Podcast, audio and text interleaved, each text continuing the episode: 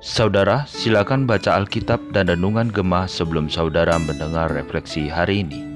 Shalom jemaat yang dikasih oleh Tuhan, apa kabar setiap kita hari ini? Saya percaya anugerah dan kebaikan Tuhan senantiasa melimpah dalam hidup kita dan hari ini kita pun bersyukur apabila kita masih diberikan kesempatan untuk dapat merenungkan firman Tuhan yang begitu indah, begitu ajaib, begitu luar biasa dalam kehidupan kita. Oleh sebab itu, sebelum kita lebih dalam merenungkan firman Tuhan, saya undang kita semua untuk tundukkan kepala, kita berdoa. Bapa, sungguh kami kagum akan Engkau, betapa Engkau Allah yang mengasihi setiap kami. Engkau memelihara kami dengan begitu sempurna ya Tuhan.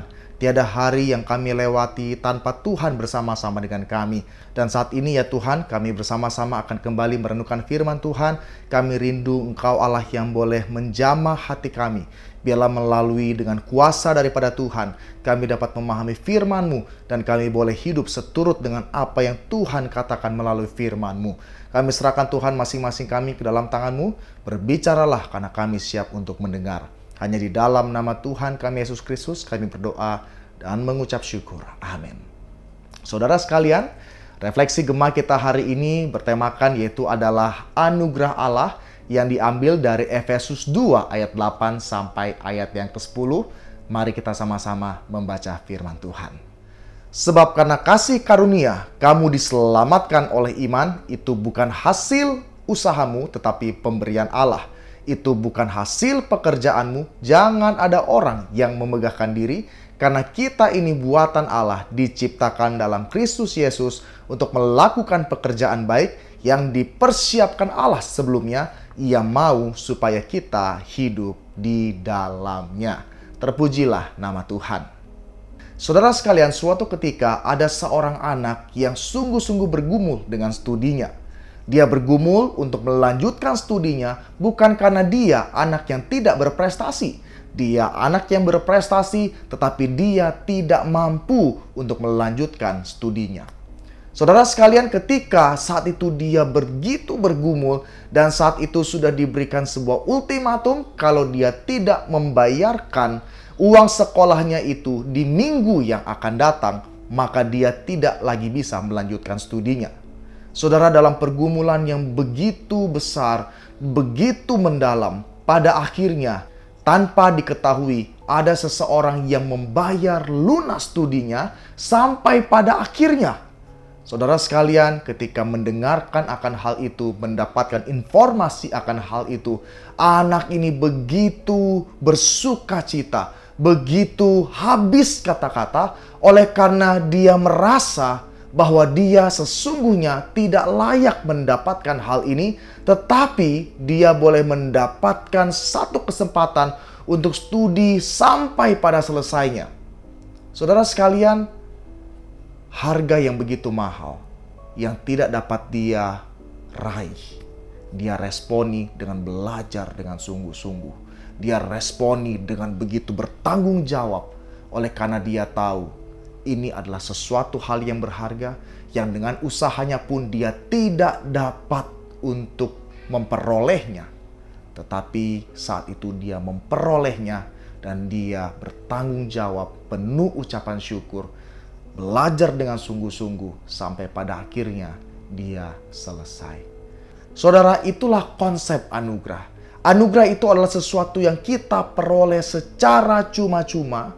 Kita tahu harganya begitu mahal, kita tahu kita tidak pantas untuk mendapatkannya, tetapi kita diberikan secara cuma-cuma. Itu adalah anugerah. Kita tidak layak, namun kita mendapatkannya. Saudara, sebelum reformasi gereja terjadi pada tahun 1517, gereja sudah cukup lama mengajarkan doktrin yang salah, yakni manusia dapat diselamatkan oleh Allah dan diampuni dosa-dosanya berdasarkan jasa dan perbuatan baik manusia. Bahkan ada ajaran bahwa dengan mengeluarkan uang untuk membeli sertifikat pengampunan dosa, anggota keluarga yang sudah meninggal juga dapat diampuni dosa-dosanya. Saudara sekalian, doktrin yang menyesatkan ini merupakan ajaran yang meninggikan kemampuan manusia berdosa dan sekaligus meremehkan anugerah Allah dan kemurahan Allah melalui anggapan bahwa keselamatan dari Allah dapat dibeli dengan upaya manusia. Saudara, pada zaman ini, saat kemampuan manusia di banyak bidang makin hebat, manusia semakin merasa seperti Allah dan merasa bahwa mereka dapat membeli keselamatan dari Allah. Bahkan mereka merasa dapat menyelamatkan diri mereka sendiri. Saudara sekalian, khotbah tentang anugerah Allah juga semakin kurang. Praktik kehidupan sehari-hari orang Kristen semakin tidak mengandalkan Allah. Seringkali kita merasa mampu dan merasa layak untuk menerima pemberian dari Allah tersebut. Saudara sekalian dengan sangat jelas Alkitab mengajarkan bahwa anugerah Allah merupakan satu-satunya alasan yang membuat manusia berdosa dapat diselamatkan. Inilah yang diajarkan terus-menerus oleh reformasi Protestan. Keselamatan dan kehidupan baru orang Kristen itu bukan hasil usahamu, bukan hasil pekerjaanmu, melainkan pemberian Allah. Keselamatan dapat terjadi karena Allah memberikan Kristus untuk menjadi jalan pendamaian bagi manusia berdosa. Keselamatan dapat kita terima oleh karena Roh Kudus memampukan kita untuk menerimanya dan melahirkan kita kembali. Semua itu adalah anugerah dan kemauan baik dari Allah untuk kita, manusia yang berdosa. Saudara sekalian, namun doktrin anugerah Allah ini tidak mengabaikan perbuatan baik kita tetap harus melakukan perbuatan baik, tetapi dengan konsep yang berbeda. Dalam doktrin anugerah, perbuatan baik dipahami sebagai buah atau hasil dari keselamatan oleh anugerah. Anugerah Allah melahirkan tanggung jawab untuk melakukan pekerjaan baik. Seperti yang dikatakan dalam bacaan kita hari ini di ayat yang ke-10. Kita diselamatkan oleh anugerah dan menjadi ciptaan baru dalam Kristus untuk melakukan pekerjaan baik yang sesuai dengan rancangan dan kemauan Allah.